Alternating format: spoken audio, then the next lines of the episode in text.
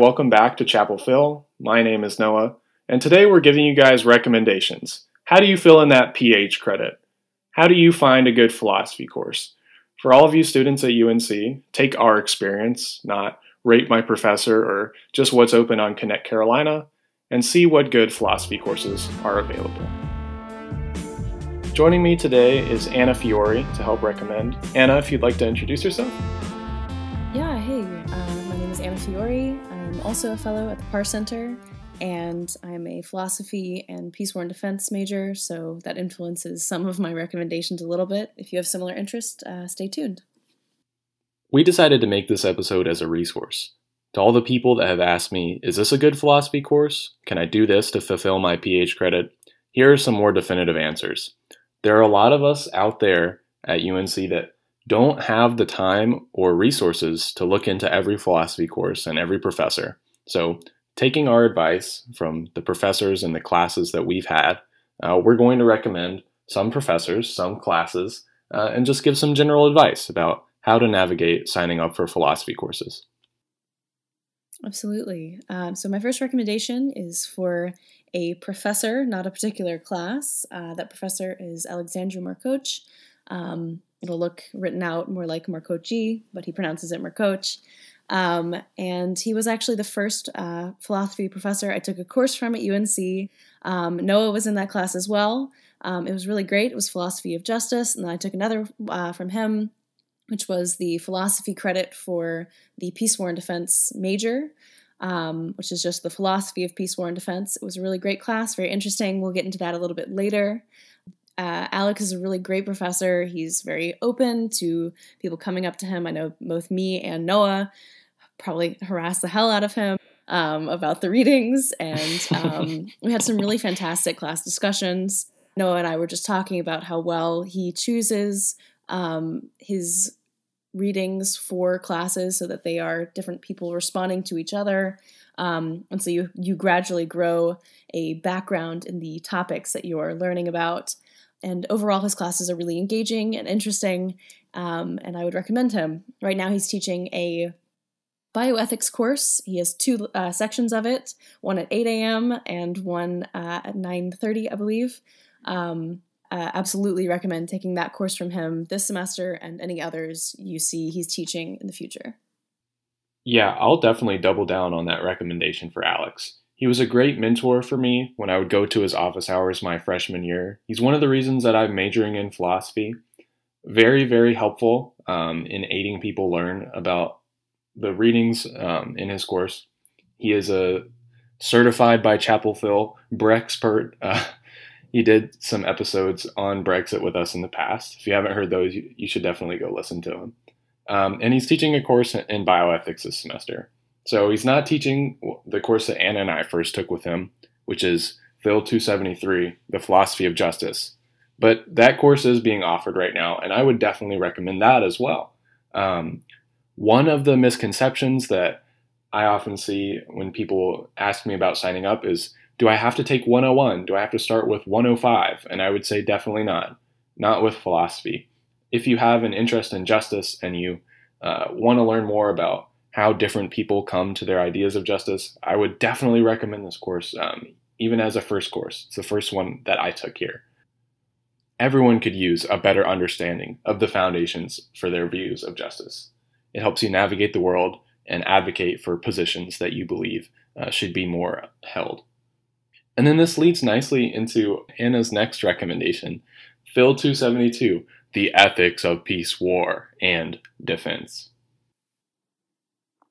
Yeah, this is uh, the 272. Um, also, an ethics course. It is just the ethics of peace, war, and defense. It is required for PWAD majors, so uh, most PWAD majors won't actually have to take an additional philosophy course because it'll knock that gen ed out of the way. But I would recommend you do it anyways, um, even if you're not a peace, war, and defense major, um, because it is really interesting. Uh, one of the questions that I think uh, motivated a lot of my interest in philosophy was the fact that a lot of philosophers talk about uh, when it is just to kill and when it isn't. Um, and the fact that like the ethical status of an action can change depending on the circumstances um, is a really interesting question for me and very relevant to the study of war and um, of military action and engagement as a whole um, but that's not just what this class is limited to it also talks about what it means to be a just combatant whether someone is able to be killed or engaged in war and what to do with bystanders in war because as we know it doesn't occur in a vacuum um, highly recommend this course. Very interesting. I also took that with Alex, um, but my roommate actually took it with another professor. Really enjoyed it. Uh, it seems like the course stays relatively consistent regardless of who's teaching it, and it's a really quality class. So I'd recommend that one as well. Yeah, I think I still remember the readings on torture. I never thought that torture could ever be justified. Um, I still don't. They offer some, yeah, probably a good take there.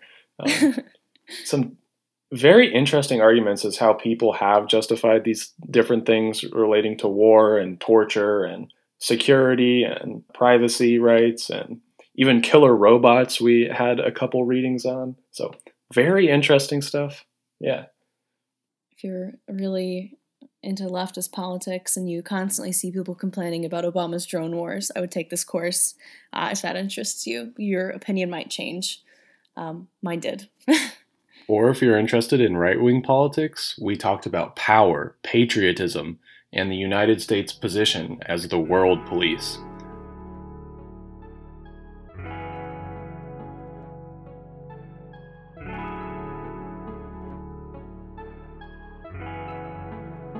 Yeah, so now we'll move into some accolades um, for professors, recommending professors based on uh, different things. The most straightforward award goes right in the face of a common stereotype about philosophers, which is that sometimes they ramble. On the other hand, you have lawyers who are often very to the point, and Professor Nevin Johnson is a lawyer by trade who's studying um, and is now a philosophy professor. I took Nevin's philosophy of law course, and that was definitely interesting. Um, from his background, you could definitely tell it influenced the way he thought about the philosophy of law.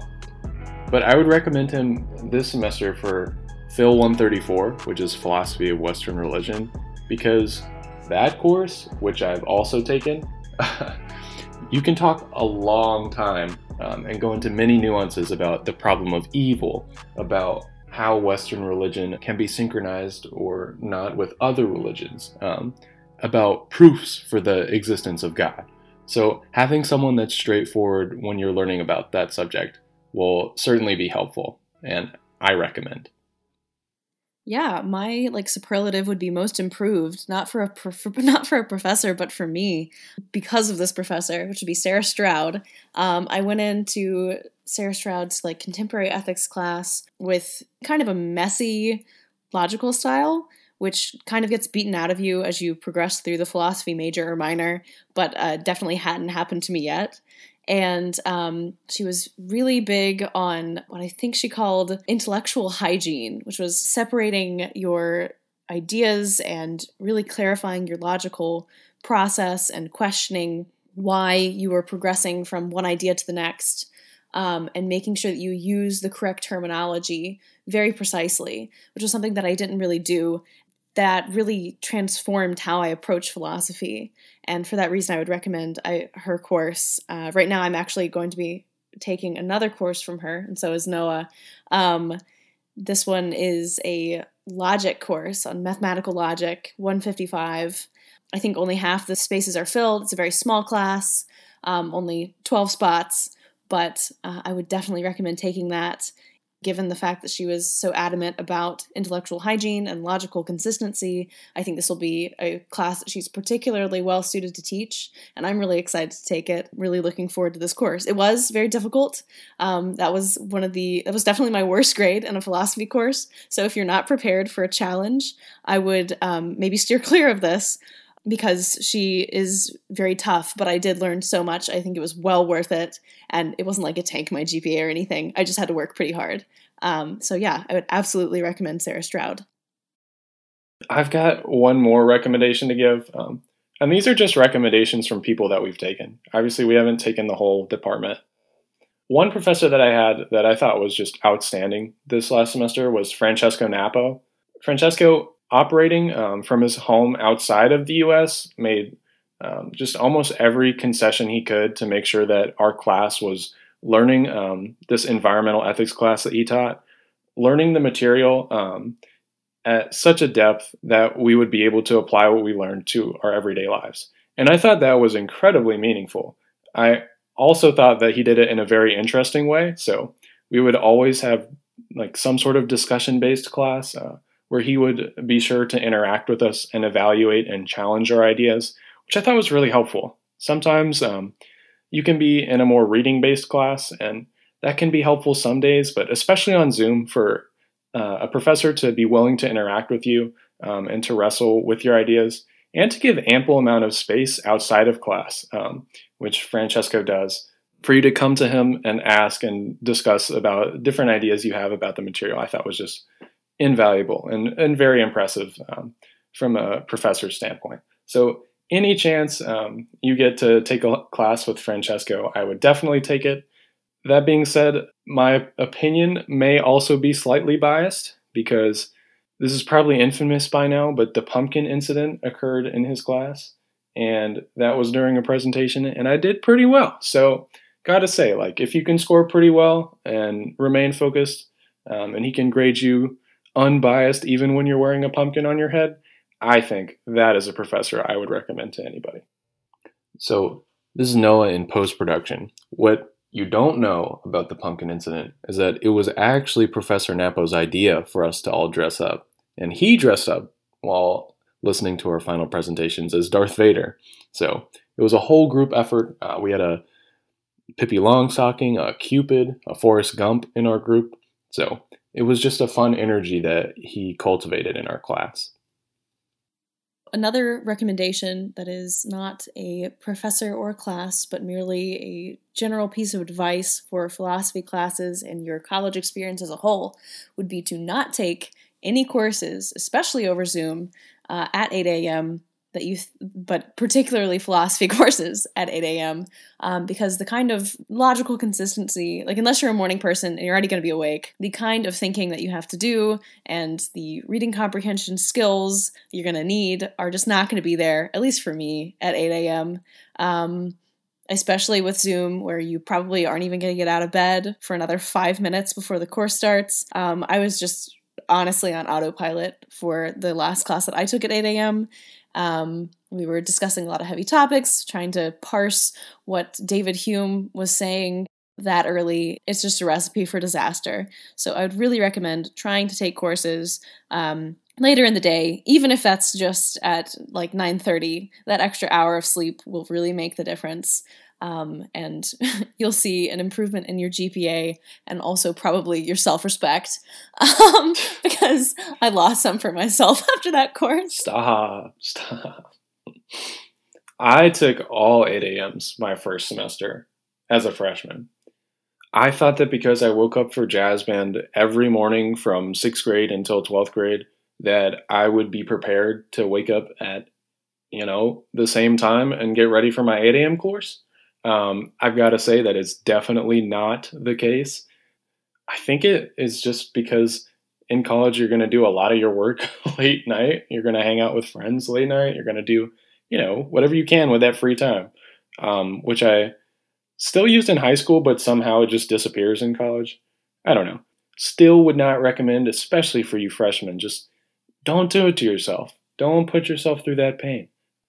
Maybe you have a course that you really want to take that's at 8 a.m., let me tell you, you got time. You can take it another semester. Um, but yeah, this is something that I think is a, a pretty normal suggestion that, that people would give.